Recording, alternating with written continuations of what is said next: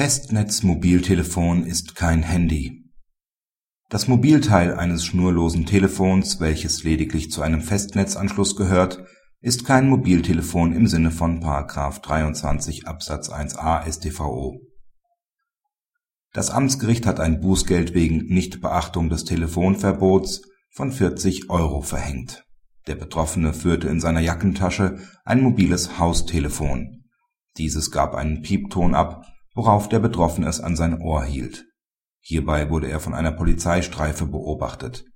Obwohl das Amtsgericht unterstellte, dass aufgrund der Entfernung zwischen Wohn und Tatort (circa drei Kilometer) kein Telefonat über den Festnetzanschluss geführt werden konnte, verhängte es ein Bußgeld. Das hiergegen eingelegte Rechtsmittel hatte Erfolg.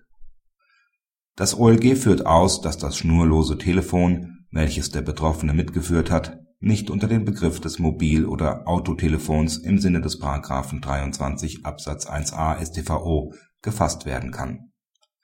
Derartige Schnurlostelefone sind schon wegen ihres geringen räumlichen Einsatzbereiches (etwa maximal 200 Meter) nicht für den Einsatz im öffentlichen Straßenverkehr geeignet.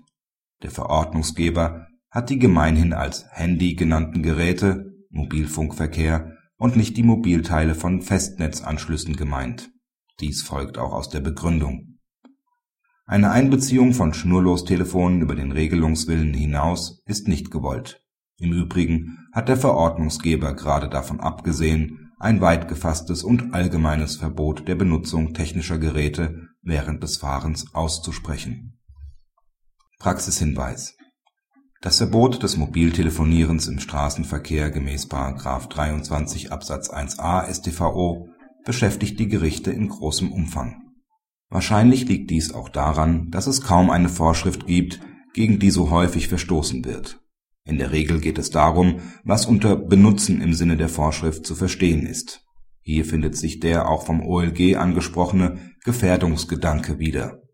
So wird das Spektrum auch über das Telefonieren hinaus ausgedehnt Kurznachricht, Organizer-Funktion, Internetfunktion.